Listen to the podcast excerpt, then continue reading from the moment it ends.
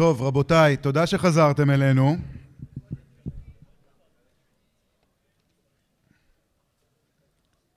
ראובן, שב. תודה שחזרתם אלינו.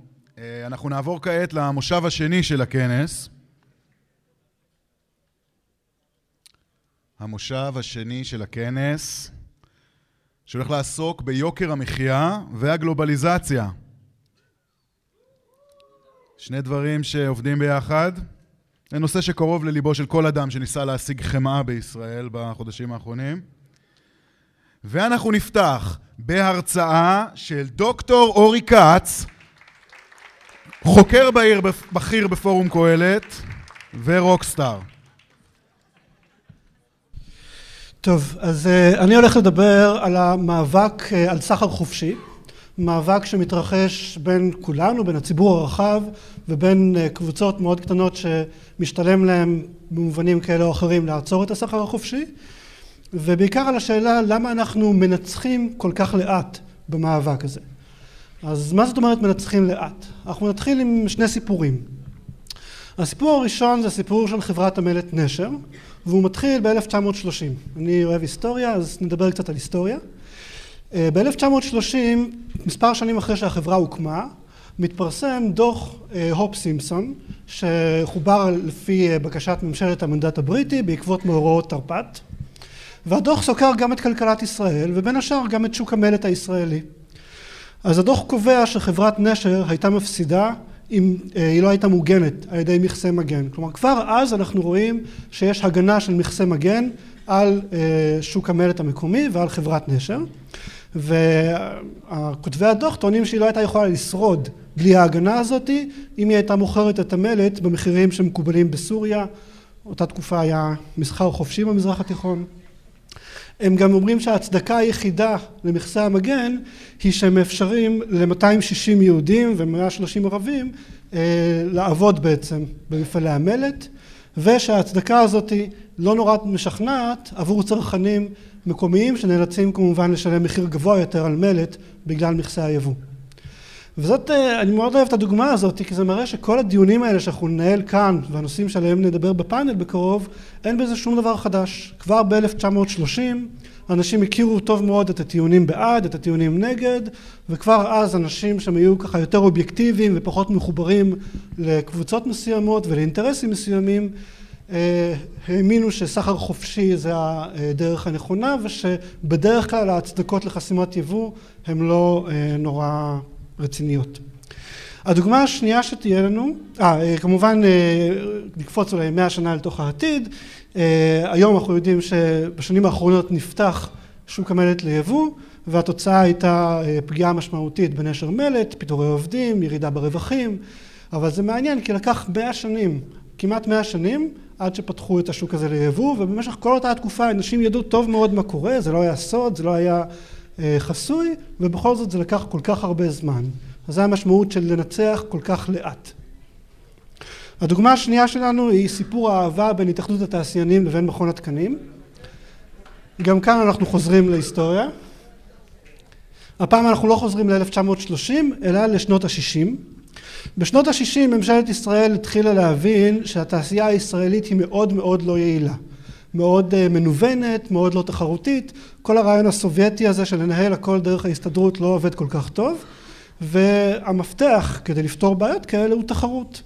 אז הם החליטו לחשוף את המשק ליבוא במובן, במובנים הרבה יותר חלשים ממה שיש היום, וזה כמובן הדאיג את התעשיינים, כמו שאתם רואים שם בקטע הקטן המוקף, התעשיינים מצאו פתרון, הם פנו למכון התקנים כדי לגבש תקנים ייחודיים למוצרים ישראלים אז השיטה היא מאוד פשוטה, מדברים עם מכון התקנים והוא קובע שהרגל של כיסא שנמכרת, שנמכר בישראל חייב להיות בעובי של 5.2 סנטימטרים ואז אם יש איזשהו יצרן בחו"ל שהכיסאות שלו, הרגליים שלהם הם בעובי של 5.3 הוא לא יכול למכור את הכיסאות האלה בישראל. זאת השיטה ברמה העקרונית, זאת בעצם סוג של קנוניה נגד הציבור, אני לא רוצה להשתמש במילים אה, קשות מדי, אבל זה עבד, כן, החיבור הזה בין התאחדות התעשיינים ובין מכון התקנים נשאר במשך הרבה מאוד שנים. אנחנו רואים כאן כתבה משנת 1988 שמדברת על, ה, אה, על החיבור של יבואנים ועל אינטרסים שנמצאים בוועדות התקינה ועל זה שזה לא בסדר.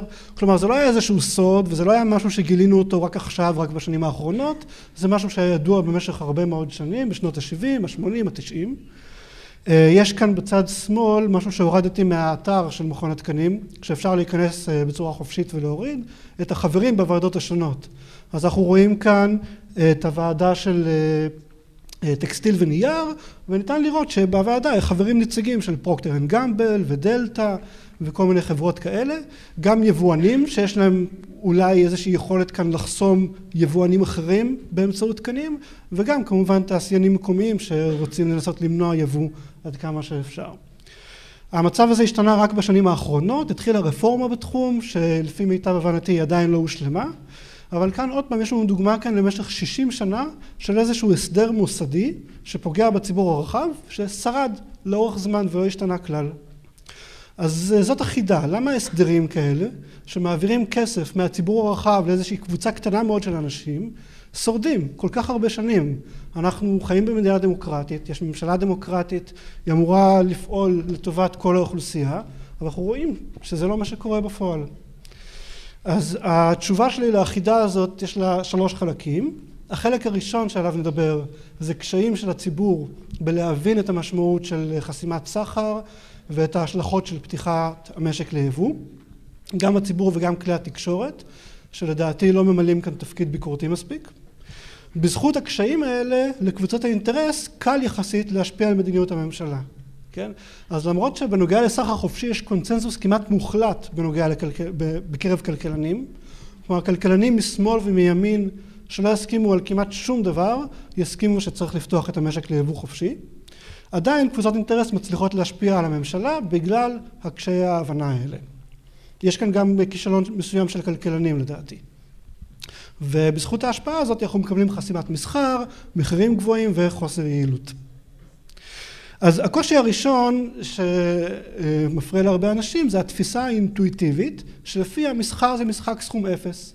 אם יש צד אחד שמרוויח מהעסקה, בהכרח הצד השני מפסיד. כן, וזאת נורא, זה נורא, דרך נורא אינטואיטיבית לחשוב על האופן שבו מתנהל מסחר, יש כאן בעיה של אמון, אבל כמו שאדם סמית ודויד ריקרדו לימדו אותנו לפני כ-200 שנה, זה לא נכון. כן, אנחנו יודעים שאם בן אדם מסוים יותר טוב בלייצר מלפפונים ולבן אדם אחר יש יתרון יחסי בלייצר עגבניות, הם יכולים כל אחד מהם להתמקד לפי היתרון היחסי ולסחור והתוצאה תהיה יותר מלפפונים ויותר עגבניות לכולם. כן, אז זאת אמונה נפוצה שהיא פוגעת ביכולת להבין את היתרונות של מסחר. קושי שני זה משהו שאני קורא לו המודל הנאיבי של הכלכלה. כשאנשים חושבים על כלכלה תמיד יש להם איזשהו מודל בראש, כן? בדרך כלל מדברים על מודלים של כלכלנים ועל ההנחות שלהם, אבל גם לאנשים שהם לא כלכלנים, תמיד יש איזשהו מודל בראש כשהם מנסים לחשוב על איך עובדת הכלכלה, ובמובן של מסחר אני קורא לזה מודל נאיבי, מכיוון שהוא הולך רק שלב אחד קדימה, בלי השפעות מסדר שני. אז נגיד דוגמה אחת זה הנושא של יבוא, אם נאפשר יבוא יצרנים מקומיים יפשטו רגל, אנשים יאבדו את העבודה שלהם וזהו. המודל לא ממשיך שלב אחד קדימה לאחר מכן, הוא פשוט, הוא סטטי, הוא נעצר בנקודה הזאת, המשק ייפגע והוא יישאר פגוע ואנשים יישארו בלי עבודה. במציאות מה שאנחנו יודעים ממחקרים אמפיריים וגם מחקרים תיאורטיים זה שזה לא מה שקורה.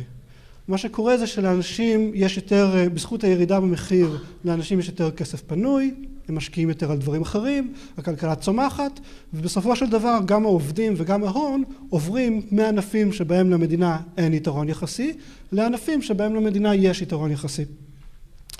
זה תרשים מחקר שעשיתי בקהלת על פתיחת שוק הטקסטיל ליבוא, אז הקו הירוק שם באמצע זה הירידה בשיעור העובדים בתעשיית הטקסטיל כמובן התאחדות התעשיינים באותה תקופה הזהירה מאבטלה המונית ופיטורים המוניים וכל הדברים האלה אבל הקו התחתון מראה לנו את שיעורי האבטלה, אנחנו לא רואים איזשהו גידול דרמטי באבטלה ובהמשך אפילו הייתה ירידה באבטלה. הקו העליון מראה לנו את שיעור האנשים שהם מחוץ לכוח התעסוקה, כלומר הם בכלל לא משתתפים במשחק, גם כאן לא רואים איזושהי עלייה. במחקר עצמו, זה כמובן ניתוח נורא נורא גס, במחקר עצמו אני הסתכלתי ספציפית על יישובים שהיו תלויים יחסית בתעשיית הטקסטיל וראיתי שגם בתוך היישובים האלה לא היה איזושהי פגיעה באבטלה או בתעסוקה בהשוואה ליישובים אחרים. עוד דוגמה למודל הנאיבי זה לגבי התעשייה הישראלית, כן? אז לפי המודל הנאיבי יש לנו חלק מהעובדים, חלק גדול מהעובדים שנמצאים בתעשייה, אם התעשייה תיפגע או תיעלם, הם פשוט יאבדו את העבודה שלהם, כן? זה ייעלם ויהיה לנו חלק מהפאזל של הכלכלה הישראלית יהיה חסר. אז כמו שאנחנו יודעים בפועל, זה לא מה שקורה, כן? זה תרשים ממחקר אחר שעשיתי במסגרת קהלת, יש כאן כל מיני קבוצות של מדינות ובכל אחד מהם אתם רואים על הקווים את שיעור העובדים בתעשייה מ-1985 ועד היום. מה שאתם רואים זה שיש ירידה דרמטית משנות ה-80 בשיעור העובדים בתעשייה בכל מדינות העולם, בייחוד במדינות המפותחות וגם בישראל שנמצאת שם מימין.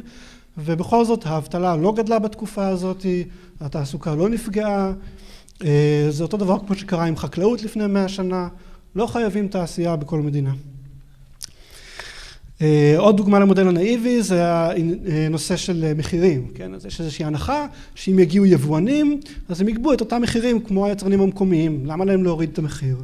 אבל אנחנו יודעים שפתיחה אמיתית ליבוא היא פתיחת המשק להרבה מאוד יבואנים שנמצאים בכל רחבי העולם והתחרות ביניהם בסופו של דבר מורידה את המחירים. כך רואים את הדוגמה של מחירי הביגוד שירדו באופן דרמטי מאז פתיחת המשק ליבוא ולעומתם מחירי המזון שעלו יחסית למדינות אחרות באופן מאוד מאוד משמעותי מכיוון שאת השוק הזה עדיין לא פתחנו ליבוא רק בשנים האחרונות יש כל מיני מהלכים חלקיים שנעשו ולכן יש כאן איזושהי התמתנות במחירים. עכשיו יש כאן איזושהי הסתייגות שאני חייב לומר, כן? זה אולי משהו שנדב יזכיר בהמשך.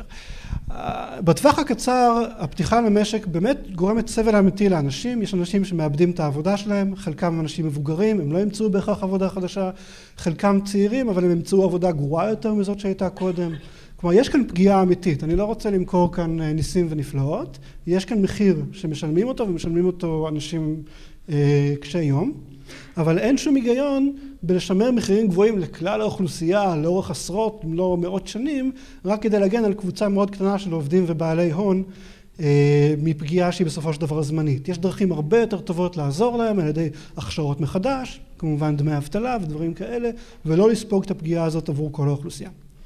עכשיו בגלל הקשיים בהבנה לקבוצות האינטרס מאוד קל לשכנע את הציבור ואת הנציגים שלו בממשלה להמשיך את חסימת המסחר. אז יש להם כל מיני טיעונים שנשמעים נורא הגיוניים עד שחושבים עליהם קצת לעומק.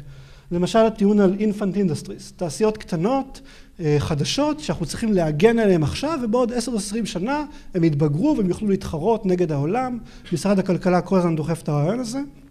בפועל רוב הסובסידיות מגיעות לחברות כמו נשר מלט, כמו תנובה, חברות ותיקות, עשירות והסובסידיות נשארות לאורך עשרות אם לא מאות שנים, אף אחד לא מסיר אותם. עוד טיעון דומה זה שהממשלה יכולה לבחור איזה שהם מנצחים, כן? מגיע איזשהו שר, אומר שיש לו חזון להפוך את באר שבע לבירת הסייבר העולמית והוא עכשיו הולך לסבסד ולהגן על התעשייה המקומית הזאת וככה הוא יצליח ליצור הזדמנויות כלכליות לישראל. בפועל אנחנו יודעים שזה לא עובד בגלל בעיות של תמריצים, חוץ מאיזה כמה דוגמאות יוצאות דופן בדרום קוריאה, בדרך כלל המיזמים האלה נכשלים. בגלל שלפקידי הממשלה ולפוליטיקאים אין מה שנקרא skin in the game, הם לא יפסידו דבר אם היוזמה תיכשל ואכן יוזמות כאלה נוטות להיכשל. טיעון אחר זה הנושא של החצנות חיוביות, כן? אז הרעיון של החצנות חיוביות הוא שלתעשייה מסוימת, למשל לחקלאות הישראלית, ישנן השפעות טובות על כלל האוכלוסייה שיזם פרטי לא יתחשב בהם. אז אם הממשלה לא תסבסד אותו, היזם ישקיע פחות ממה שהיינו רוצים בתור חברה שהוא ישקיע. למשל הנושא של תפיסת שטחים בפריפריה, ביטחון תזונתי, דברים כאלה. זה נשמע נורא הגיוני וזה נכון בצורה תיאורטית, כן? מלמדים מודלים תיאורטיים כאלה במבוא לכלכלה, אבל כשמסתכלים במציאות, בדרך כלל מבנה התמיכות בכלל לא קשור לכל הטיעונים היפים האלה על השפעות חיצוניות. למשל בישראל, עיקר התמיכות בחקלאות מגיעות ללולים ולרפתות. אז קודם כל זה לא ברור למה לול שנמצא ליד הגבול מגן יותר על המדינה מאשר מפעל נעליים שנמצא באותו מקום. ודבר שני, הסובסידיות האלה וההגנה מגיעה גם לאלה שנמצאים במרכז הארץ, שיש להם למעשה השפעות חיצוניות שליליות, כמו זיהום וריח ודברים כאלה. כן, אז, אז בדרך כלל אין כמעט שום קשר בין הטיעונים התיאורטיים היפים על החצנות חיוביות ובין מה שקורה בפועל. עוד טיעון זה שנדרש להגן על תעשיות מקומיות בגלל שגם מדינות אחרות מגינות על התעשייה. כן, זה אופנתי עכשיו, הנה גם טראמפ עושה את זה ואחרים עושים את זה. אז זה טיעון ממש מצחיק בעיניים כלכליות, כלומר אם אה, ממשלת ספרד רוצה לסבסד יצרני התפוזים, המשמעות היא שהיא מסבסדת את מחירי התפוזים לצרכן הישראלי. כן, אז זה איזושהי מתנה שאנחנו מקבלים, ואנחנו לא צריכים להחזיר לספרדים מתנה משלנו על ידי סבסוד היצואנים שלנו, אין בזה שום היגיון. כן, אה, באופן כללי מחקרים הראו שהפחתת המסחר, אה, חסמי מסחר תורמת לרמת החיים אפילו אם המדינות האחרות לא פותחות את עצמן למסחר. עכשיו למרות כל הכשלים האלה ולמרות הכוח של קבוצות האינטרס יש כוח נגדי שכל הזמן דוחף אותנו ובכל זאת מייצר את הניצחון המאוד איטי הזה שדיברתי עליו בהתחלה וזה התחרות על רמת החיים. אנשים רואים איך אנשים במדינות אחרות חיים, יש, יש כלי תקשורת, יש את האינטרנט, אנחנו רואים את רמת החיים במדינות אחרות, אנחנו רוצים להגיע גם לשם וזה כוח נגדי שכל הזמן דוחף בכיוון ההפוך ומייצר לנו ניצחונות. אבל לצערנו הניצחונות האלה הם די איטיים ויש עדיין אה, דרך אה, ארוכה להתקדם. יש לנו הרבה חסמים במסחר בענף החקלאות, החמאה שרועי הזכיר כאן. יש אה, מגבלות על יבואנים, זה מדוח ה-Doing Business של הבנק העולמי, אז בכל מה שקשור לבירוקרטיה של יבואנים אנחנו נמצאים במקום די גרוע. יש תמיכה אקטיבית בייצור כחול לבן של משרד הכלכלה, שהוא תמיד באופן מסורתי משמש כמין סוג של לוביסט של התעשיינים המקומיים. אה, והשאלה הגדולה היא האם בעצור הבא נצליח להתגבר על הקשיים האלה, להתגבר גם על קשיי ההבנה וגם על האינטרסים ולקדם את רמת החיים בישראל למקום טוב יותר. תודה רבה.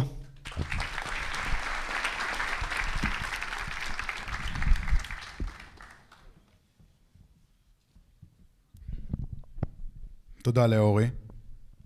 מחכים. אה, אני רוצה עכשיו להזמין אה, כמה חברים לפאנל שאנחנו אה, נערוך בנושא הזה. נתחיל עם חברת הכנסת שרן השכל. נתנאל היימן מהתאחדות התעשיינים. מנהל אגף כלכלה בהתאחדות התעשיינים. ואחרון חביב, נדב אייל, עורך חדשות החוץ בחדשות 13 ומחבר הספר המרד נגד הגלובליזציה. עכשיו בוא נראה אם זה יעבוד לי עם המיקרופון. יושב שם. כמעט. שלום לכולם, רגע. שאלות? שלום לכולם, תודה שבאתם. גם אורי איתנו בפאנל כפי שאתם רואים. Uh, אני רוצה להתחיל, אנחנו לא, לא נשאל שאלות פוליטיות, uh, אבל בכל זאת יש לנו פה חברת כנסת, אנחנו בתקופת בחירות. אז אני רוצה להתחיל כן בשאלה פוליטית שקשורה לנושא. אה, חברת הכנסת השכל, את אה, חברת כנסת מטעם הליכוד, מפלגה ליברלית בשלטון כבר עשר שנים, אמורה הייתה להביא לנו קפיטליזם, יבוא חופשי וכל הדברים הטובים האלה. בסוף קיבלנו שר אוצר כמו משה כחלון. יש לך שם מיקרופון, תסבירי את עצמך. טוב, אמ, אני חושבת שגם אפילו תמצא חבר'ה פה בחדר שבבחירות הראשונות הצביעו לכחלון בגלל שהוא הבטיח קפיטליזם, הוא הבטיח כלכלה חופשית. מה הוא הבטיח למצביעים שלו? לשחרר את השוק הכלכלי בדיוק כמו שהוא עשה בסלולר. לצערי, תוך כדי הכהונה שלו כשר אוצר הוא באמת נפל לפופוליזם, לסוציאליזם. אה, אני חושבת, אני לא חסכתי בביקורת ונלחמתי על המון המון רפורמות שהוא ניסה להעביר, חלקן בהצלחה, חלקן פחות. אני יכולה לומר לך שעכשיו שהוא, שהוא לא בליכוד, הליכוד בהחלט יותר חזק בלעדיו. אשרי המאמין. אה, חברים, יש לכם שם מיקרופונים, תרגישו חופשי. אה, ככה, את אה, כבר מספיק זמן בכנסת, אני רוצה שתסבירי לי משהו שאני אף פעם לא הצלחתי להבין. אורי כץ פה דיבר על קבוצות האינטרס, על ההשפעה שלהם על המערכת הפוליטית. היום כבר כמעט לאף מפלגה אין פריימריז, כבר כל המוקדי כוח הישנים האלה כבר הרבה פחות חזקים ממה שהם היו פעם. איך הדבר הזה עובד? זאת אומרת, איך הוא בעצם עובד המנגנון הזה, שבסוף, בחלק מהמקרים, מייקר את יוקר המחיה שלנו? איך המנגנון הזה עובד? אני חושבת שלפני הכל אה, זה עניין תרבותי. אה, לא פעם יצא לי לשבת בוועדות במקרים אבסורדים אה, שבאמת עלולים ליצור מצב של להעלות את יוקר המחיה, למשל ניקח את חוק התמרוקים לדוגמה חוק התמרוקים הוא חוק שלמעשה היה אמור לסגור את כל היבוא המקביל, דיברתם על זה לפני כן, תקנות שמשרד הבריאות רצה להביא שפשוט היה סוגר את זה לחלוטין. אני נעמדתי על הרגליים האחוריות, אמרתי הדבר הזה לא יעבור, נלחמתי בכל הכלים שהיו לי ואתה שואל את עצמך איך אתה מגיע למצב כזה? עכשיו זה עניין תרבותי ישראלי לדעתי. הראשון הוא באמת איזושהי עניין תרבותי של שנאת הצלחה, שנאת עשירים שכל דבר שממותג כשוק חופשי כאיזושהי הצלחה מסתכלים עליו בעין מאוד מאוד רעה ועין שלילית מבחינת פופוליזם ולכן קל לבוא ולתקוף את זה. והדבר השני מין מנטליות פקידותית ש... זה באמת נורא מה שעושים לבר רפאלי. מה זה? זה באמת נורא. הדבר השני הוא, הוא בעצם אה, אה, אה, מין מנטליות של כל עצמאי, כל בעל עסק, הוא קודם כל לפני הכל נתפס כאילו הוא עבריין, גם בעיני רשויות המס, גם בעיני הפקידות הממשלתית.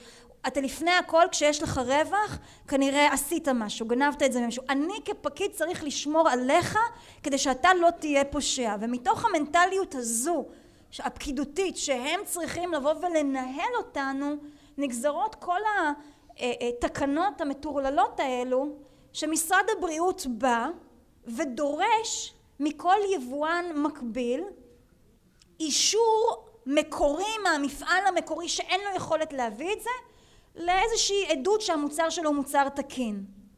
עכשיו זה תראו התקנות האלה הן תקנות שבעצם הפקידות של משרד הבריאות המציא כי הוא לקח את התקנות האירופאיות החמיר אותן פי שתיים הוציא הוריד ממש כאילו המציא משהו חדש משלו. זה היה סוגר לנו פה גם מפעלים ישראלים שעושים סבונים שמפוים קרמים דברים כאלו. ואתה שואל את עצמך איך הפקידות בעצם יכולה לבוא ולעשות את זה? אז הדוגמה שאולי מנכ"ל משרד הבריאות בא והביא ופה לדעתי זה עניין באמת של הביצה והתרנגולת שהרבה פעמים הממשלה או הפקידות לא מבינה את זה. מה גורם מה סגירת היבוא או בעצם הפיקוח ההדוק יוצר שוק שחור או בגלל השוק השחור הם צריכים להגן עלינו. אז בא מנכ"ל משרד הבריאות בוועדה ובהמון המון גאווה בא ומראה לנו תראו את המשחת שיניים הזו של קולגייט. והוא אומר המשחת שיניים הזו היא רעל. היא למעשה יכולה להכניס אתכם לחדר מיון כי זה משהו שבעצם יובא למדינת ישראל והוא מוצר שהוא בעצם לא עבר את הפיקוח של משרד הבריאות. עכשיו המוצר הזה הוברח דרך הגבול עם ירדן כן? זאת אומרת שאולי אם היו פותחים את השוק והיו מצליחים לייבא לפה משחות שיניים הרבה יותר ביבוא מקביל עם פחות תקנות עם פחות רגולציה עם פחות בירוקרטיה המחירים היו כל כך נמוכים שלא היה צורך להבריח בכלל משחות שיניים מירדן בצורה בלתי חוקית. אני משתמש במשחות שיניים ירדניות כל הזמן והכל בסדר קצת דימום לא הרג עדיין אף אחד אוקיי את לאחרונה התבטאת ככה בעד נפגשת הרבה עם חקלאים וזה מה ההגנות מתחרות לענף החקלאות שקיימות כיום ובעצם גורמות לזה שמחירי התוצרת החקלאית שלנו ומחירי המזון שלנו עולים הן ראויות? למה אנחנו צריכים בעצם הגנה על ענף חקלאות, הגנה ממשלתית, אנחנו צריכים את זה בכלל עדיין? זה חלק מהניסיון הזה של הממשלה לשלוט כאילו של המשרדים הממשלתיים והפקידות לשלוט בכל מה שקורה בשוק כי הם באמת מאמינים שהם יודעים הכי טוב בשביל כולם. עכשיו תראה שוק החלב המציאו לו איזושהי נוסחה מטורפת של איך אתה נמצא במצב של תחרות תמידית בלי שיש תחרות במשק. זאת אומרת שתמיד חמישים אחוז מהמשקים נמצאים בהפסד וחמישים אחוז נמצאים ברווח. וככל שאתה פחות יעיל אתה עובר להפסד. זאת אומרת אי אפשר להתנהל ברמה כזאת. ברגע שאנחנו נשחרר להם את השוק כדי שהם יוכלו לנהל את זה בעצמם אז אני בטוחה שגם לא תהיה בעיה ליבוא גם של מוצרים מחו"ל. אני חושבת שאולי זה איזשהו מנוף לחץ גם שצריך להפעיל עליהם כדי לעשות את זה. אבל צריך גם לזכור זאת אומרת יבוא כן אבל צריך גם לתת לתעשייה הישראלית אפשרות להתמודד במחירים התחרותיים האלה. לא, פה והמדינה פה ביאס. שנייה. המדינה לא מאפשרת את זה להם. זאת אומרת אם אתה עכשיו מטיל היטלים אדירים של מועצת הצמחים על כל מגדלי הפירות והירקות של מאות אלפי שקלים בכל שנה אם אתה לא מאפשר להם פועלים אין, אין, אין אפשרות בשבילהם למצוא אנשים שיבואו ויעשו את הקטיף כאשר במדינות אחרות אתה יודע המחיר של פועל זה גם יכול להיות מאה דולר ליום אז חבר'ה בואו תפתחו את השוק, תייצרו מצב שבו החקלאים יכולים להביא פועלים, יכולים להביא אותם גם בפחות משכר מינימום, בלי תנאים סוציאליים כאלו ואחרים. עבדות, אני בעד. בואו תשחרר אותם. את מדברת פה לא. מטיפה למקהלה.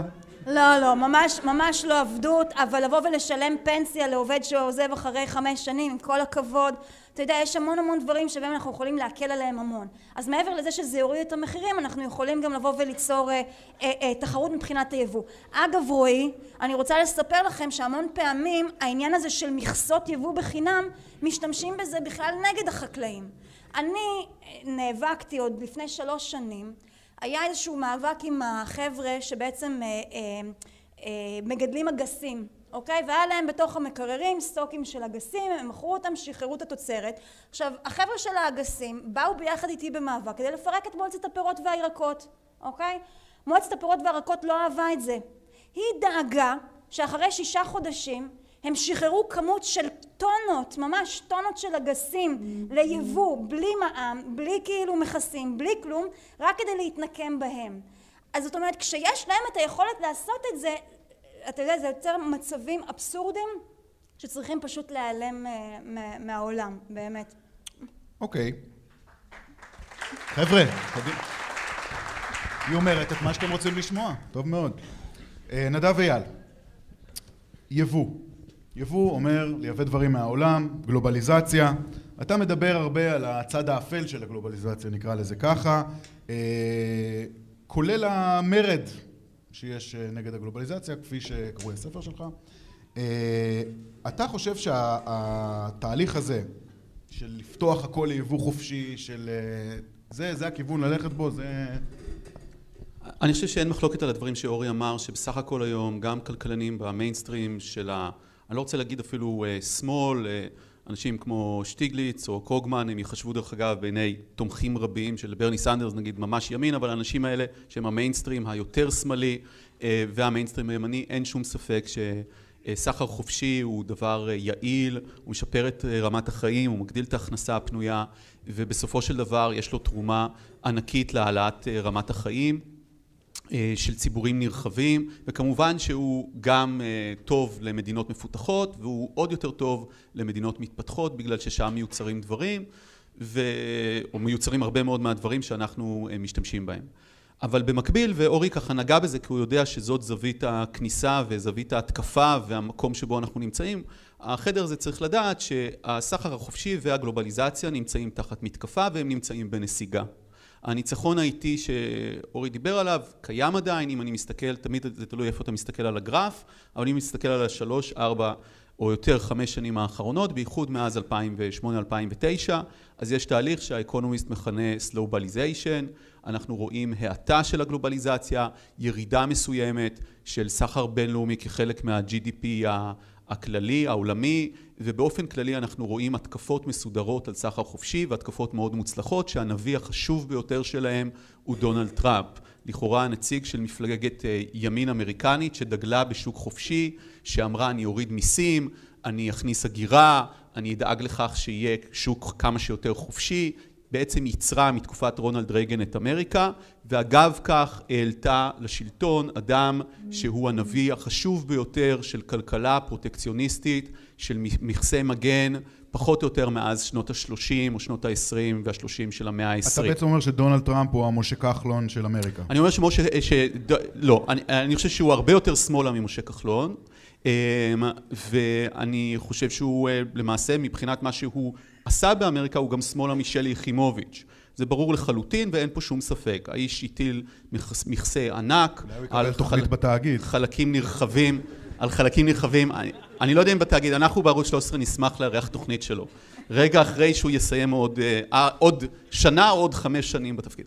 אה, המשמעות של מה שטראמפ עשה ולא רק טראמפ, אנחנו רואים את המגמות האלה בכל העולם, לפעמים הן מכונות פופוליזם.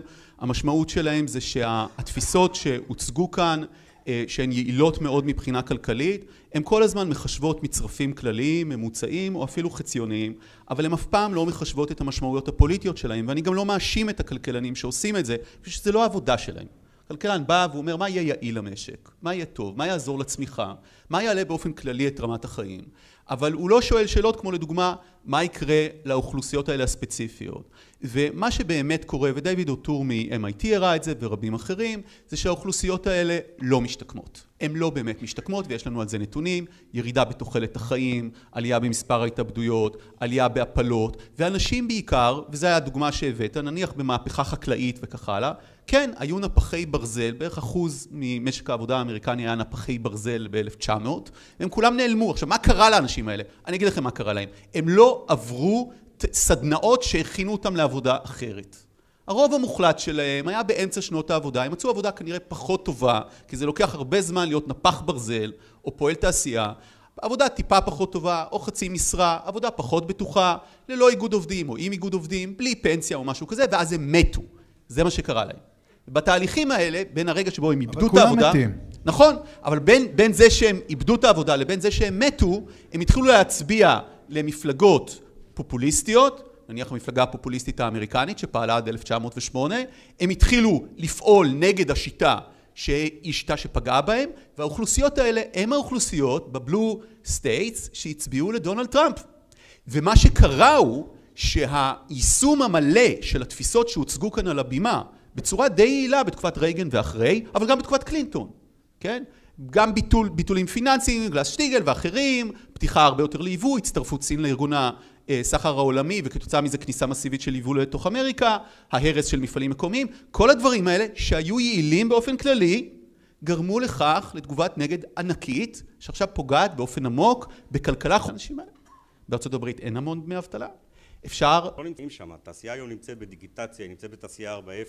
כן, אבל יש גם צורך, דווקא, דווקא בתחום הזה, יש, יש, יש דווקא הרבה צורך, חוסר בישראל, בעובדים אה, מוכשרים ומוסמכים, אני במקרה מכיר את זה קצת, אה, בתחומים, ה, כאילו בתעשייה המסורתית, זאת אומרת, אה, עובדי מתכת, רתכות, דברים כאלה שמביאים מחו"ל במשכורות מטורפות כדי לעשות פה כל מיני פרויקטים. לא מביאים אותם, הממשלה לא מאשרת. חברת חשמל יכולה להביא אותם, יודעת להביא אותם. תראה. יש, כן. יש פה טווח קצר, טווח בינוני וטווח ארוך. בטווח הקצר, אז כמו שאתה אומר, יש מקצועות שחסרים בישראל, ויש לנו אה, עובדים פלסטינאים שהממשלה לא מאשרת להביא אותם. בטווח הבינוני, אה, גם חברת הכנסת השכל דיברה על זה, צריך לעשות הכשרות מקצועיות שיתאימו למאה ה-21, זאת אומרת, אותו, אה, אותו פועל CNC שפעם ידע לעבוד עם, ה... ידע לעבוד עם הפלייר, הוא צריך היום לעבוד מול מסך בקרה, וככה עובדים היום בחלק גדול מהמפעלים, וצריך לעבוד, לעשות את ההתאמה הזאת. בטווח הארוך, אז כן, ברגע שלוקחים את החינוך הטכנולוגי, אז צריך כבר, מ... כבר... כבר מגיל התיכון להתאים את התוכניות לימוד לתעשייה של המאה ה-21 ולא לתעשייה של המאה ה-19. אז בעצם אה, מה, שאת, אני, מה שאני מבין מהדברים שלך זה אה, ממשלה אל תפריעי לנו, דבר ראשון, ובתמורה אנחנו נסכים אולי לדבר על, לוותר על חלק מההטבות שאנחנו דורשים בגלל ההפרעות שלך. זה בעצם ה... תראה, ככה אני לפחות הבנתי את זה. אף אחד לא עושה לאף אחד טובה בחוק עידוד השקעות הון, אוקיי? איך אומרים? מבחינתנו אפשר לבטל מחר את חוק עידוד השקעות הון. בום, לטוויטר. אבל, אבל אוקיי, המשמעות היא שאינטל לא תהיה פה. אתה לא רוצה שאינטל תהיה פה, תיקח, תיקח החלטת מדיניות, הכל בסדר. אנחנו לא, אף אחד לא, המשמעות היא לא אם תשלם 24% מס או שתשלם 6% מס. המשמעות היא שתשלם 0% מס. זה, זה הכל. זאת אומרת, ב-as we speak נמצא תעשיין, חבר שלי במקרה, נמצא עכשיו בוויסקונסין עם המושל, שלקח אותו במסוק על מנת להראות לו איך הוא פותח מפעל, ופי, ועזוב את המס, פי רבע בירוקרטיה ממה שהוא יעשה, שהוא יעשה בישראל. זאת אומרת, ברגע שאנחנו אה, היה, היה את הנושא, אנחנו צריכים אתכם גם בשוחות, אתם כולכם בעד כלכלה חופשית, זאת אומרת ברגע שיש לי רישוי עסקים שמקשה עליי, ברגע שאגף תקציבים רוצה להעלות את, ה, רוצה להעלות את אה, מס מעסיקים על ביטוח לאומי, היינו שם לבד, אוקיי? לא, אף אחד מתומכי השוק החופשי לא היה איתנו בוועדות הכנסת, אה, שוב, כשרצו, לה, כשרצו להעלות את המס על הדלק, כשרצו להעלות את המס על הפחם, כשרצו לעשות הרבה הרבה דברים שפוגעים בסוף גם בתעשייה וגם ביוקר המחיה. אוקיי, okay. אה, אני חייב להגיד שנתנאל שכנע אותי, אורי. אה, אבל לך יש אה, משהו להגיד על הדברים האלה? להגיב? כן, אז אני, אני אתחיל להתייחס לנושא שגם שרן וגם נתנאל העלו, וזה הנושא של הרגולציה בישראל. יש בישראל תופעה מאוד רחבה של שבי רגולטורי. כן, משרד החקלאות מייצג את החקלאים, משרד התעשייה מייצג את התעשיינים וככה הלאה. ולאו דווקא את האינטרס של האזרחים ששמו שם את השר. ובעיקר את הגדולים יותר מביניהם, כן? ו- וזאת בעיה שגם התעשיינים הקטנים סובלים ממנה, כלומר אני, אני לגמרי מבין את אה, נתנאל כאן ואני חושב שגם הם סובלים במידה רבה מהשיטה הזאת, מהבירוקרטיה המעיקה ומדברים כאלה. אה, לטיעון שלפיו המשק לגמרי פתוח והכל לגמרי פתוח היום אני לא מסכים, זה עדיין לא המצב, עדיין אנחנו לא שם. אנחנו בעיקר לא שם בנושא של החקלאות, זה נכון, בנושא התעשייה, התעשיינים בסופו של דבר הפסידו בכל הקרבות שלהם על אה, שמירת המשק סגור והצלחנו לנצח, אבל עם החקלאות אנחנו מאוד מאוד רחוקים משם. אה, יחד עם זאת יש המון סוגים של סובסידיות שמועברות גם לתעשיינים, גם לחקלאים, אה, נושאים כמו מחיר המים, יש... חקלאות זה נכון, זה לא נכון בתעשייה.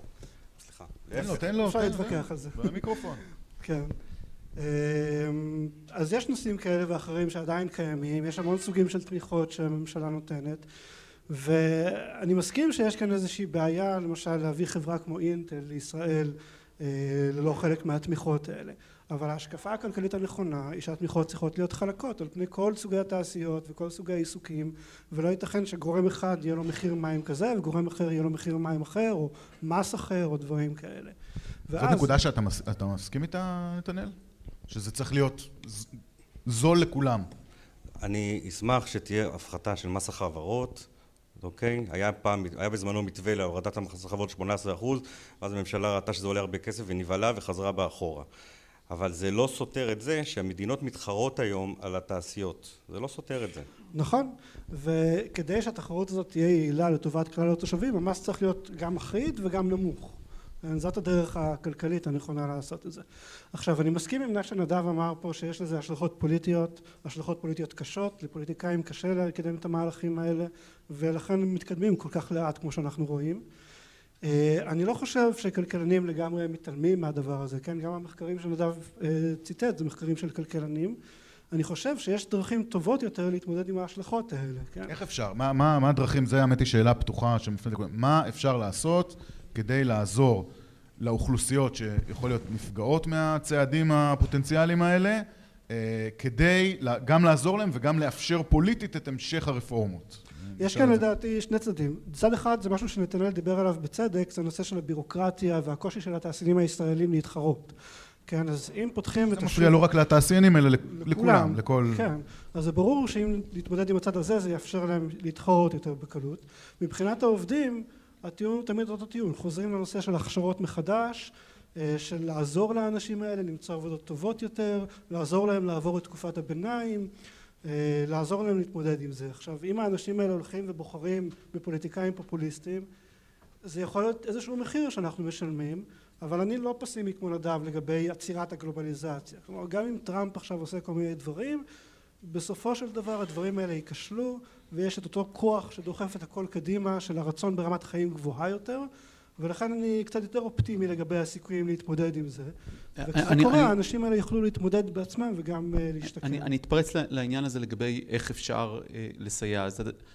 דבר ראשון צריך להסתכל על מודלים קיימים ולא לנסות להמציא את הגלגל. אה, המודל האמריקני מאוד כושל בהמון רמות והדוגמאות שהובאו כאן על וויסקונסין ומקומות אחרים אני חושב שישראלים לפעמים מביטים בעצמם ובמיוחד מאז שנכנס, מאז המחאה החברתית אה, גם גישה של ימין כלכלי יותר בריא ולא ימין כלכלי פופוליסטי שאותו ראינו פה, לא רוצה לייחס אותו לאיזה מפלגה אה, שהיה פה הרבה שנים, אלא ימין כלכלי אמיתי אה, שמדבר על פחות ממשלה, מדבר על פחות מיסוי וכך הלאה אה, וגם מצד שני סוציאל דמוקרטיה אמיתית ולא רק איזשהו כסות למען ועדי עובדים והדיון הזה הוא מאוד מאוד משמעותי אבל כשאתה מסתכל על המודל האמריקני המודל האמריקני מלא בעיוותים מלא באמת בהטבות מס מטורפות מהסוג שאינטל מקבלת פה מלא בהמון דברים גם שם יש אבל המון מדינות שבכל אחת וזה גם כן אבל מה שאני מנסה לומר זה שכשאתה מסתכל על האירמרקס אתה מסתכל על התקציב האמריקני זה פשוט נורא יש שם הרבה מאוד עיוותים יסודיים אבל אז אם אתה מסתכל על מודל איזה מודלים עובדים איפה יש גם תעשייה וגם הייטק וגם אנשים מצליחים לשרוד את המעבר הטכנולוגי המהיר שאנחנו רואים שיועץ. אז אתה מסתכל על גרמניה נגיד באמת.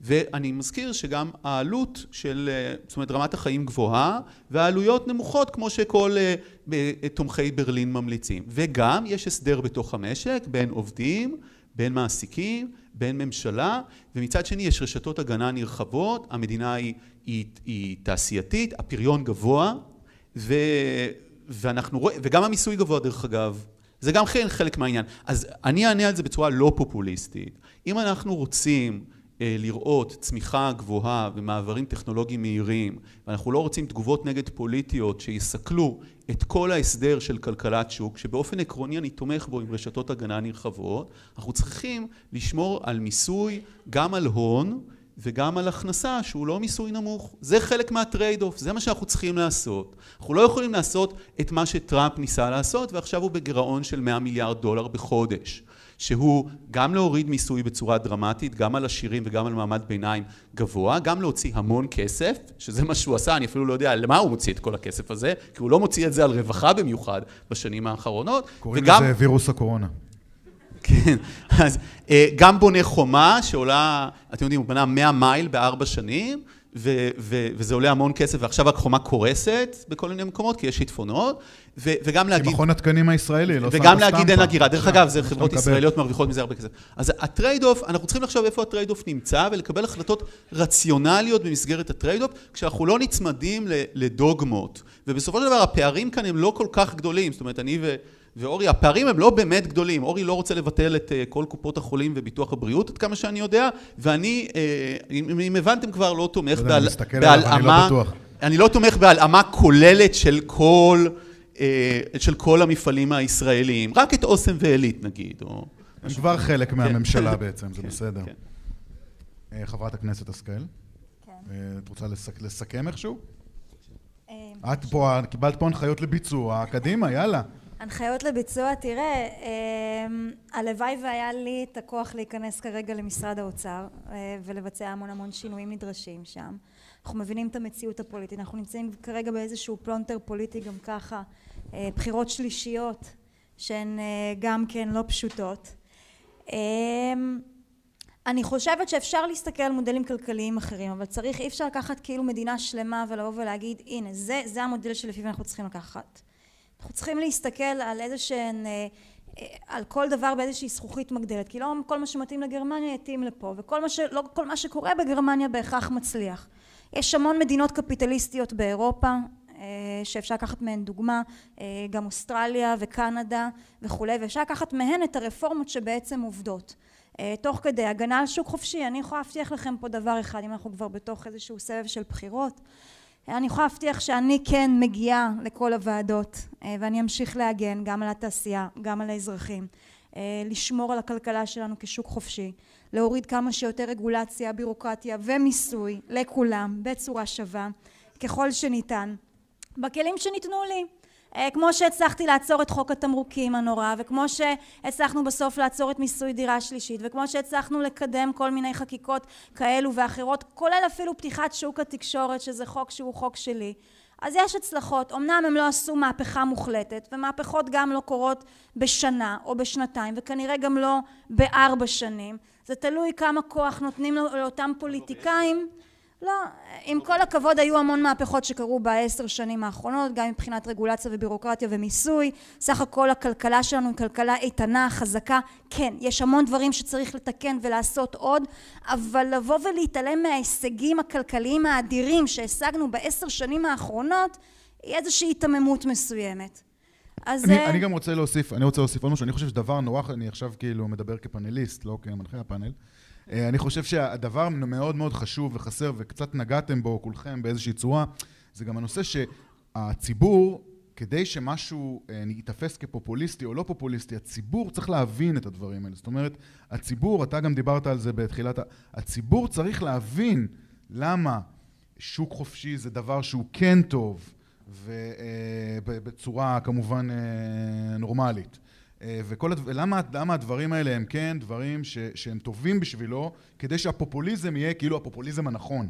וזה זה... דבר שלנו יש איתו בעיה רצינית. רועי, וזה... אני, כן. אני אתמוך ברפורמה אה, שאולי כן אה, ככה תתערב קצת בחינוך הילדים שלנו וחינוך כלכלי, אפילו מבחינתי מבית ספר יסודי, הוא משהו שנדרש, משום שאני מוצאת את עצמי הרבה פעמים, מאוד קשה לי להסביר בתקשורת למה הדבר שאני רוצה לעשות הוא טוב, לעומת מישהו שיושב ממול ואומר אבל הילדים שלכם יורעלו עם משחת שיניים.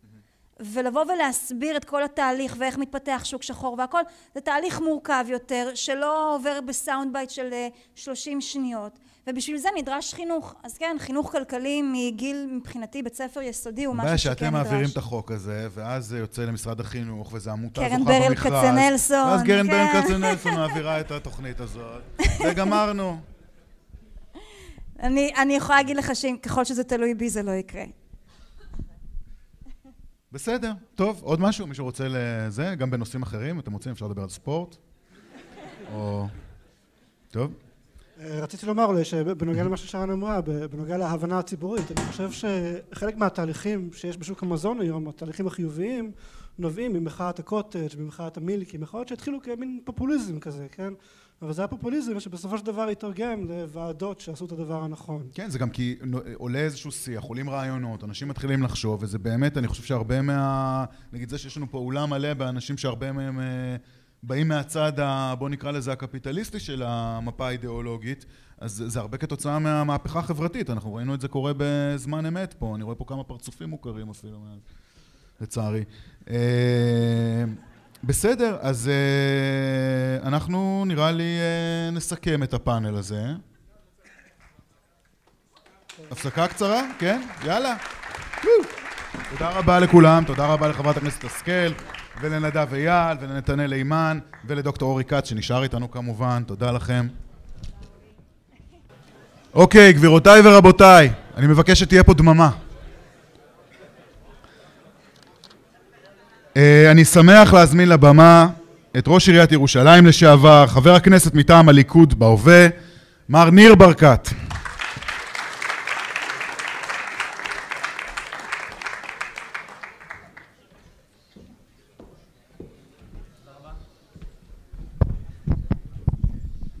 שלום לכולם, צהריים טובים. ראשית אני רוצה להודות אה, לפורום קהלת, ליושב ראש קהלת, פרופסור אה, משה קופל, למנכ"ל קהלת, ידידי מאיר רובין, לראש פורום קהלת לכלכלה, דוקטור מיכאל שראל, ולמארגן הכנס, דוקטור אורי כץ. אה, אני רוצה להודות לשיתוף פעולה ובכלל לעשייה של קהלת. אני מכיר אותם היטב כגוף מחקר אה, שבא עם סדר יום לאומי ותפיסה כלכלית ליברלית, שלהם אני שותף. והאמת היא שחלק גדול מהדברים שאני עושה, כל עבודת המטה נעשית בשיתוף פעולה עם קהלת, אז תודה לכם באופן אישי ובהצלחה. מכובדיי, תודה. לאחר שסיימתי את תפקידי כראש העיר, בנובמבר שנה שעברה, בנובמבר 18, התחלתי מיד בלהכין תוכנית עבודה. המטרה היא קידום הכלכלה והחברה הישראלית. את התוכנית בנינו יחד עם החברים בקהלת ועם פרופסור מייקל פורטר מהרווארד, שנחשב היום כמוביל בעולם בקומפטיטיבנס. איתו היה לי הכבוד גם לבנות את התוכניות עבודה לעיר ירושלים. תוכנית שהביאה לפריחה כלכלית משמעותית בעיר, יישמנו אותה בהצלחה בירושלים, ובזכות המהפכה הזאת ירושלים באמת עשתה שינוי תפיסתי עמוק בתחום ההייטק, בתיירות, בתרבות ובמגוון תחומים נוספים. עשור. לאחר עבודת המטה, הצגתי לראש הממשלה את העקרונות עבודה. הוא אהב, ולבקשתו עברנו לגבש תוכנית עבודה לממשלה הבאה במספר תחומים שאותם אפרט.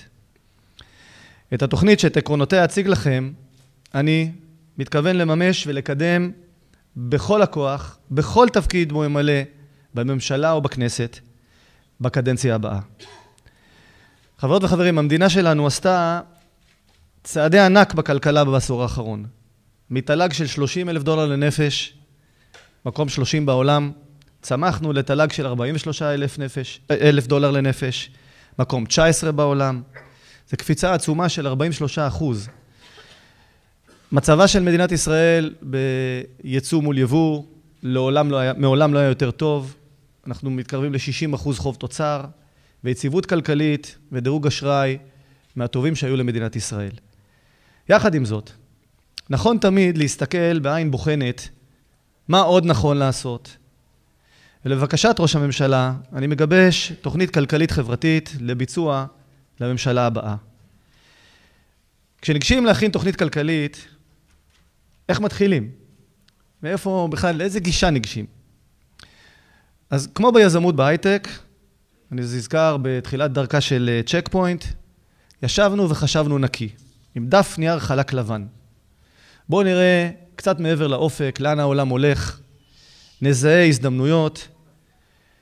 אני זוכר שזיהינו את אה, האינטרנט כתחום, שהמהפכה שאנחנו מכירים היום לא היה אז, בשנת 1990, אה, אה, תחילת שנות ה-90. והבנו שהאינטרנט הולך להיות מהפכה גדולה. זיהינו את ההזדמנות, ואז יזמנו פתרונות חדשים. כי אם אתה מביא פתרונות להיום, אתה בעצם נתקע מחר. ואתה חייב להסתכל מעבר לאופק בשביל לדעת לתכנן את צעדיך. אני זוכר שהלכנו בהתחלה עם מחשב סאן, משקל 15 קילו, זה יותר מפק"ל מרגמה, מי שפה חירניק. אה, לקחנו אותו על הגב, סחבנו, הגענו ללקוחות שהצענו ללקוחות הגדולות, הגדולים בארצות הברית, אה, הנה, מערכת firewall, אה, שתוכלו להתחבר ב, לא, לאינטרנט בבטחה, הם אמרו לנו, לעולם זה לא יקרה, לא נתחבר לאינטרנט, והיה לנו קשה לשכנע את האנשים בהתחלה לאן העולם צועד. המסקנה היא שאם תסתכל רחוק ותבין לאן העולם הולך, איזה פרדיגמות מתרחשות, השוק יפגוש אותך במקום שאתה רוצה להיות. וכמי שבא מעולם ההייטק ומי שהוביל את העיר ירושלים עשור בשנים, אני אומר לכם שיזמות ציבורית צריכה להשתמש באותם כלים ובצורת חשיבה, לעתים מחוץ לקופשה, כפי שנעשה ביזמות הפרטית. וזה פשוט עובד. כי יזמות זה יזמות זה יזמות. ואני אומר לכם שיש מחסור לא קטן, מחסור גדול, של חשיבה וניסיון יזמי במגזר הציבורי. לעתים אני מוצא את עצמי, זוכר כראש עיר והיום כחבר כנסת, מול קיבעון חשיבתי של הרבה מאוד פקידות. שבגדול הנטייה היא לשמר את המצב במקום לחולל שינויים. כי לשנות מגמות זה מצריך הרבה אנרגיה. לעתים מקצועית, לשכנע את אנשי המקצוע, ולעתים אתגרים פוליטיים. אתה רוצה לשנות, אז אה, הדבר הזה לעתים אה, מוצא את המורכבות שלו. אבל כשאני מסתכל קדימה, ברור שיש צורך מדי תקופה, וזו תקופה, זמן מצוין, להמציא את עצמנו מחדש, ולהגדיר מטרות ויעדים מותאמים לעולם המשתנה. לנצל הצלחות, ויש כאלה, וליזום ולהתחדש. אני מאמין שאת ישראל כיעד, תחום ההייטק, שאנחנו ללא ספק מצטיינים בו, אפשר לקחת אותו עוד שלב קדימה. להוביל בכל מדד השוואתי. ביזמות פר קפיטה, לא רק בתחום ההייטק הקלאסי, אלא אפשר בהחלט לגלוש גם לתחום הבריאות וה-health care, וגם לחקלאות ולתחומים אחרים. אנחנו צריכים להביא את ישראל, היום אנחנו מקום 19 בתל"ג לנפש בפרספקטיבה הבינלאומית, אנחנו צריכים להגיע תוך עשור להיות בעשירייה המובילה בעולם בתל"ג לנפש. הדבר הזה הוא חד משמעית אפשרי. עברנו בעשור האחרון את אנגליה ואת צרפת, וכעת צריך לעבור את גרמניה ואת קנדה, להתאים את הכלכלה שלנו לאתגרי העולם של מחר, ולבסס את הכלכלה על יזמות וטכנולוגיה שבהחלט יכולה לשנות סדרי עולם. יש המון סקפטים, אני מכיר הרבה סקפטים שלא בטוחים שזה אפשרי. חד משמעית, הדבר הזה אפשרי, ואפשר להביא את כלכלת ישראל להיות בעשירייה הפותחת בעולם. אני בכוונה מסתכל על המדד של אה, תוצר לאומי גולמי לנפש, שכן הוא בסוף מבטא את המצב הכלכלי-חברתי של האזרח הישראלי, יחסית לשאר אזרחי העולם. וכשאתה מגדיל את ההכנסה לנפש, התרומה של זה ליוקר המחיה או ל...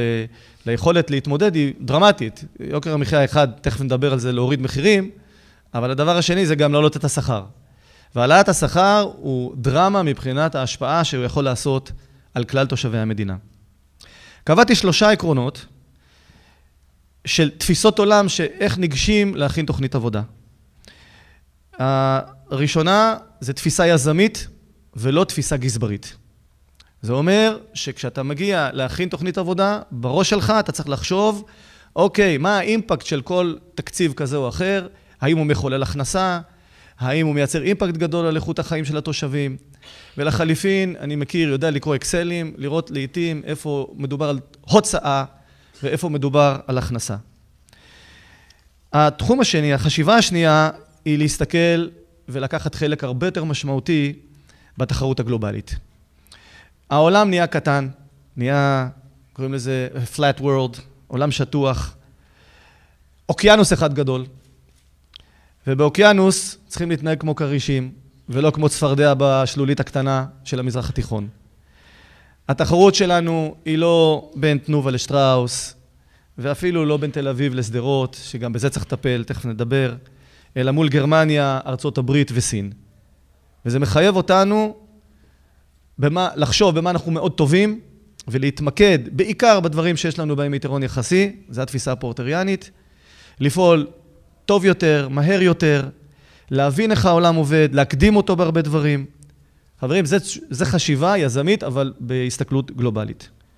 והנושא השלישי, צורת החשיבה, צריכה להסתכל על הפריפריה של מדינת ישראל לא כנטל, אלא כנכס. איך הופכים את הפריפריה שלנו, את הגליל, את הגולן, את יהודה ושומרון, את הנגב והערבה, את המרחב הכפרי, את הפריפריה החברתית, איך הופכים אותם למרכזי צמיחה? איך מתייחסים בכבוד לצמיחה במגזר החרדי והערבי, ולראות שם הזדמנות גדולה מאוד להגדיל את התל"ג ולהגיע ליעדים שעליהם דיברתי. בעיניים של משקיע, שם ההזדמנויות הגדולות. כששוחחתי עם אה, פרופסור פורטר על המודל, על, הפריפריה, הטענה שלו, אחרי שהוא למד את התוכנית שלנו, שהגשנו לממשלה, לראש הממשלה, ש-20% צמיחה בתל"ג טמון בעבודה נכונה בתוך הפריפריה. אוקיי, אז זאת תפיסות העולם. אה, יזמות, גלובליזציה והסתכלות אחרת על הפריפריה.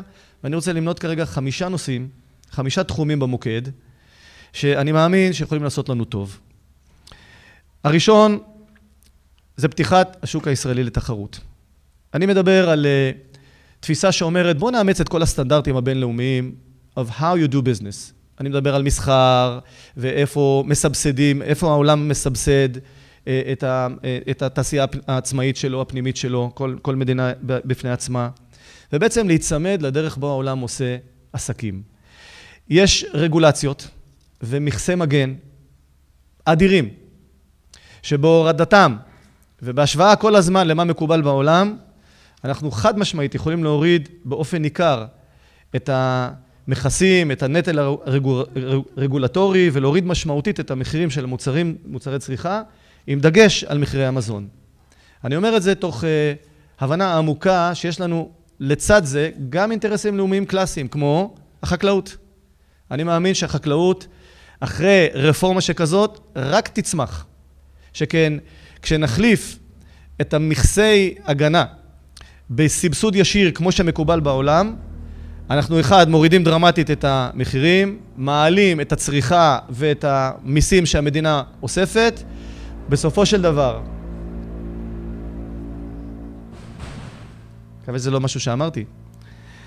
בסופו של דבר, אחרי שמורידים את המיסי מגן ואת הרגולציה ומורידים את יוקר המחיה, אנחנו מגדילים באופן ניכר את אה, ההשקעה של הציבור, ההוצאה של הציבורית, ואחרי סבסוד ישיר נשאר למדינה כסף ביד, יש מגוון של דוגמאות כאלה, זה הדרך הנכונה לעשות. לא צריך לחשוש מזה. אני יודע שיש המון חששות לאנשים מרפורמה עמוקה שכזו, אבל אין לי ספק שזה הדבר הנכון לעשות. זה אפשרי. התחום השני, התוכנית עבודה השנייה, היא הסתכלות על הפריפריה כהזדמנות ומנוע צמיחה. ותסתכלו, תרימו משקפת 30 שנה קדימה, המדינה שלנו תוכפל בגודלה. היום אנחנו תשעה מיליון נפש, אנחנו נגיע בשלב כזה או אחר לכפול כמות תושבים, והשאלה היא, איפה יגורו תושבי מדינת ישראל? האם הם, אנחנו נקרוס לכיוון תל אביב והמרכז, או האם נשכיל לייצר ביקושים בפריפריה? ואני שם דגש על יצירת ביקושים בפריפריה, אה, על מנת, א', לשמור על חבלי ארץ ישראל, אבל הדבר השני, זה כמובן אה, לייצר ביקושים גדולים ולהוריד את הלחץ הגדול שנמצא על מרכז הארץ.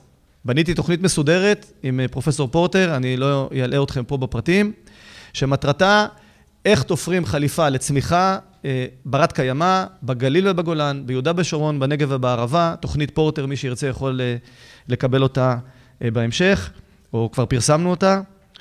ומה הדבר הזה נותן? אני לא סתם מדגיש את זה.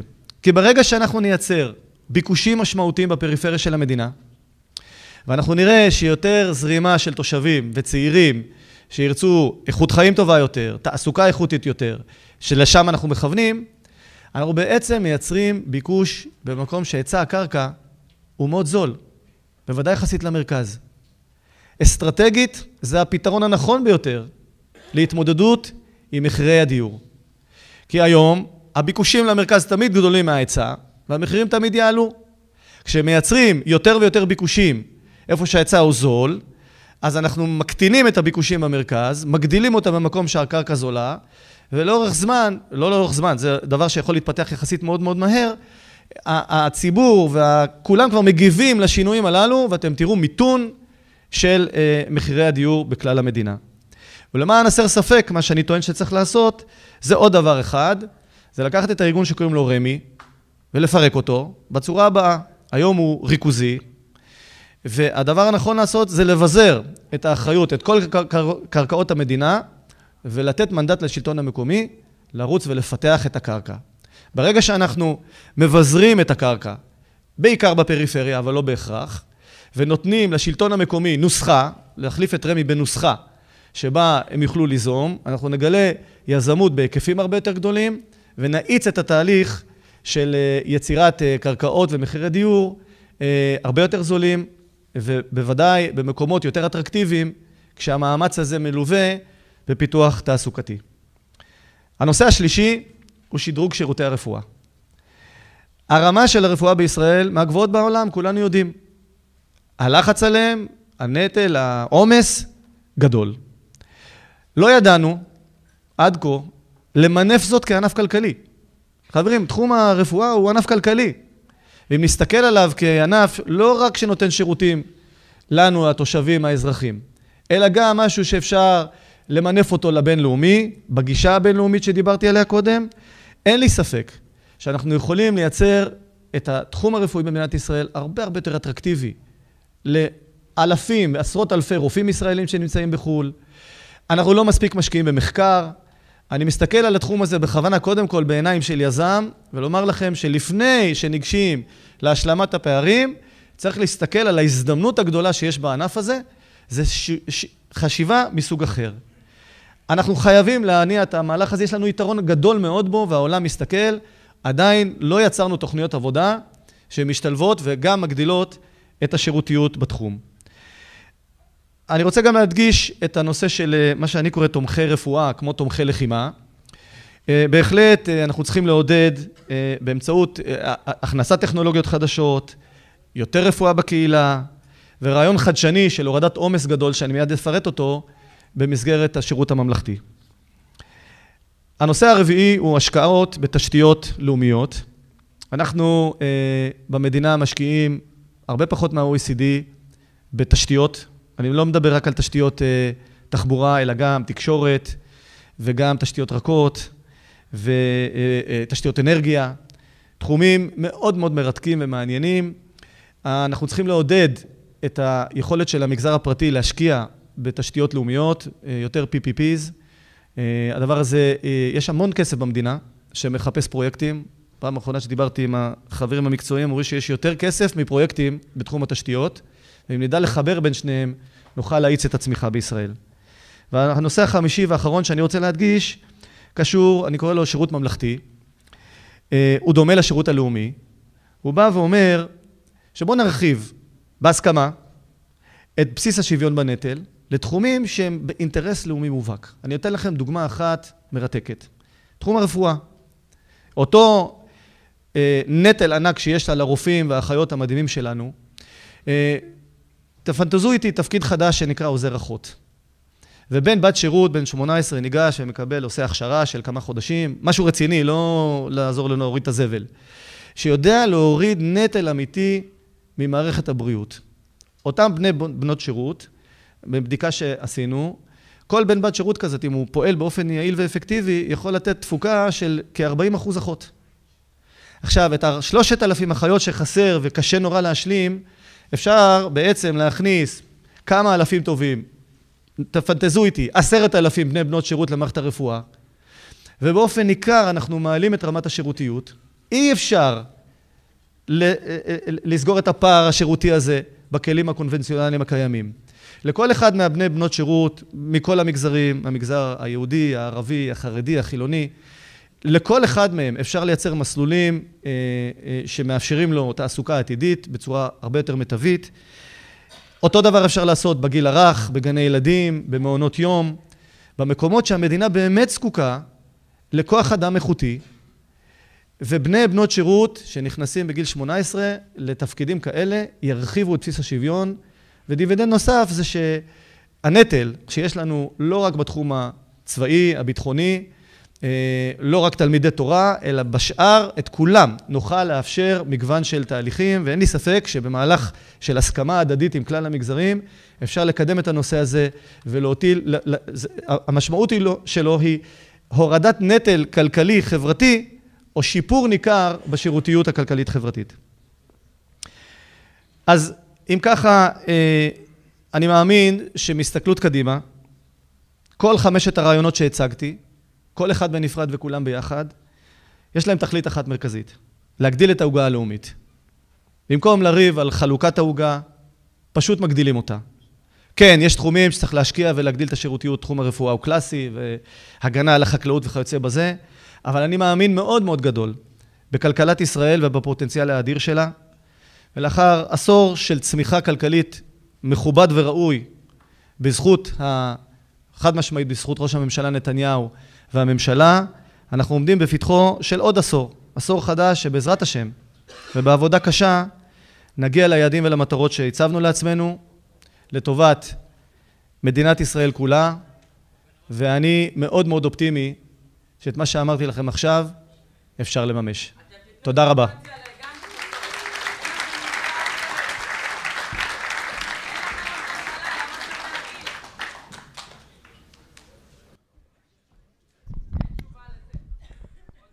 חברים, אני מבקש. הסוציאליזם של הליכוד הוא סוציאליזם טוב יותר. יותר קרוב לסוציאליזם האמיתי שמעולם לא נוסה.